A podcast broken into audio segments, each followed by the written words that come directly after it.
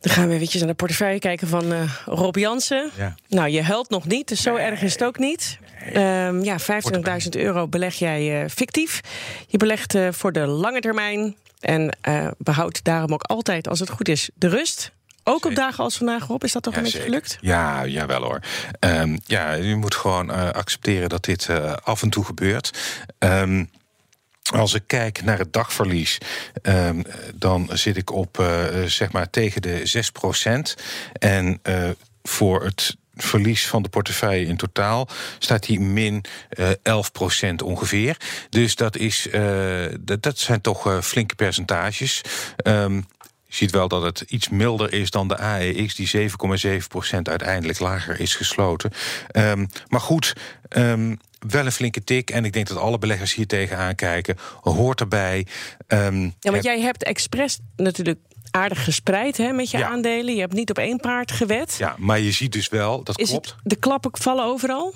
Ja, kijk, uh, ook bij een spreiding, de, deze uh, sell-off, uh, de massale verkoop en natuurlijk ook kopen. En je moet niet vergeten dat tegen al die verkoop staan ook koopjesjagers mm -hmm. die nu aandelen kopen.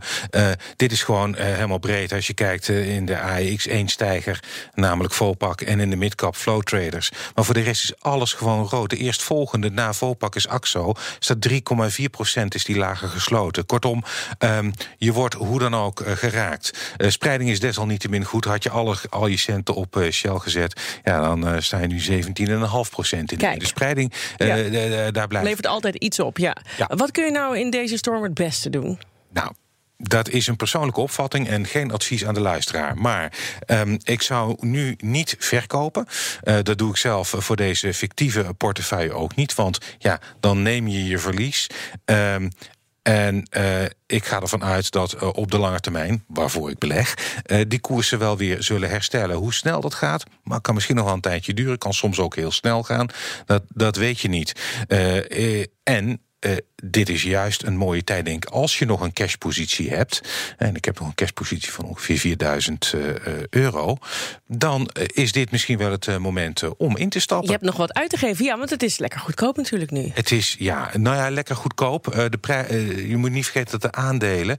Um, de afgelopen tien jaar met horten en stoten flink zijn opgelopen. He, dus misschien uh, is dat nog niet eens echt helemaal super spotgoedkoop. Ik zal even kijken wat uh, op dit moment de uh, koers-winstverhouding is. Dat geeft de duurte aan van aandelen. De koers-winstverhouding van de AEX is 17,4. Daarmee is het eigenlijk op deze koers nog niet eens spotgoedkoop. Oké, okay, um, dus daar moet je ook nog altijd eventjes naar kijken. daar moet je ook nog naar niet kijken te snel kopen? Niet te snel kopen, niet uh, verkopen zou ik in deze markt uh, uh, zeker niet doen. Het is wel zo dat, hè, waarom is die koers-winstverhouding nog zo hoog?